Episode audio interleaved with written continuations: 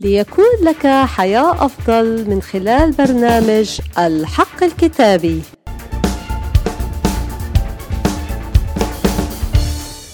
حقيقة اليوم الكتابية بعنوان الرب ينتظر الطاعة. أول ذكر لإبراهيم بعد نسله في تكوين 12 واحد وقال الرب لإبرام اذهب من أرضك ومن عشيرتك ومن بيت أبيك إلى الأرض التي أريك.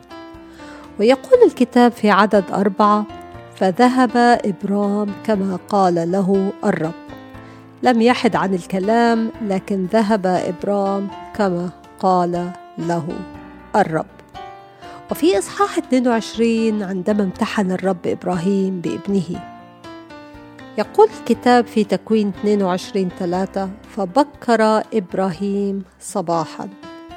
كان إنسان مطيع يطلب إرضاء الرب في كل طرقه حتى في الأوقات الصعبة. ونحن أيضا في حياتنا مع الرب نحتاج إلى الطاعة حتى عندما لا ندرك أو لا نفهم. في عبرانيين كلمة الرب تعطينا لمحة عن طبيعته.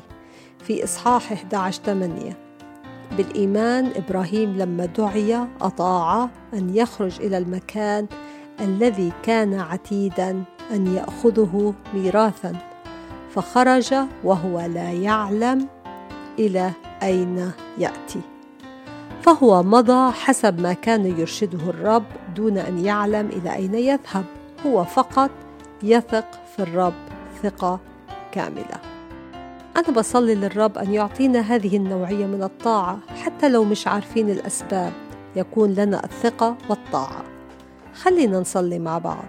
يا أبي السماوي أنا بطلب معونة لكي أطيعك حتى وأنا مش فاهمة لكن عندي ثقة أنك أنت إلهي وتهتم بي وأطيعك في كل طلب صغير أو كبير. أشكرك يا رب لأنك سمعت واستجبت. باسم الرب يسوع المسيح. آمين آمين. يبارككم الرب في حلقة جديدة من برنامج الحق الكتابي.